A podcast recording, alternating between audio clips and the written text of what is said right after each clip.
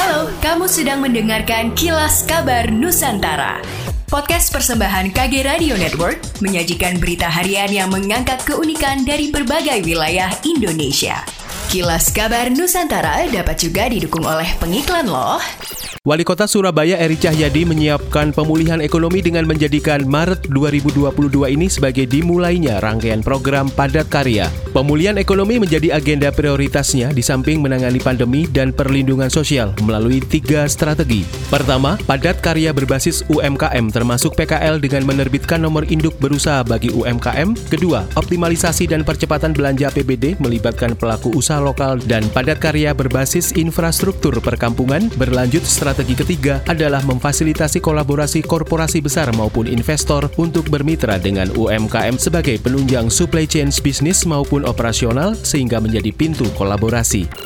Dengarkan percakapan Wisnu Nugroho, jurnalis dan pemimpin redaksi Kompas.com dengan tokoh-tokoh yang menggulati hidup dengan gigih serta kisah tentang pengalaman berkesadaran yang menggugah hati. Hanya di podcast Beginu, bukan begini, bukan begitu. PT Jaya Konstruksi selaku pelaksana proyek sirkuit Formula E di Ancol akan menggunakan bambu untuk mengakali struktur tanah yang dianggap bermasalah. Menurut penanggung jawab proyek Ari Wibowo, dari lima zona yang dibangun, zona 5 memiliki struktur tanah yang lembek dengan panjang sekitar 1,04 km.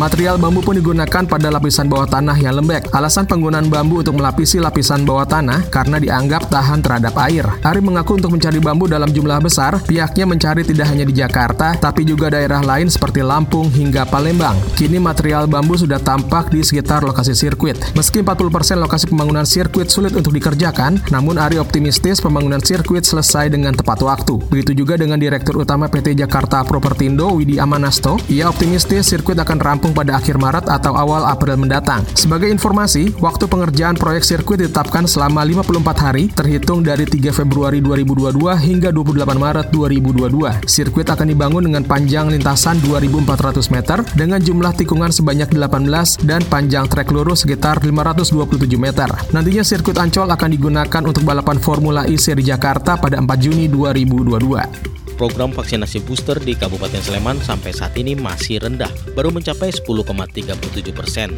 Namun ketercapaian vaksin primer dosis 1 maupun dosis kedua sudah tinggi. Dosis pertama telah mencapai 98,9 persen dan dosis kedua mencapai 91,3 persen.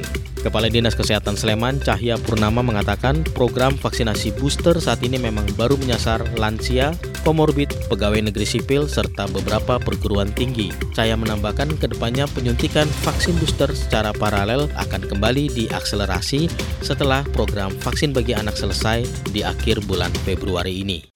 Demikianlah kilas kabar Nusantara malam ini.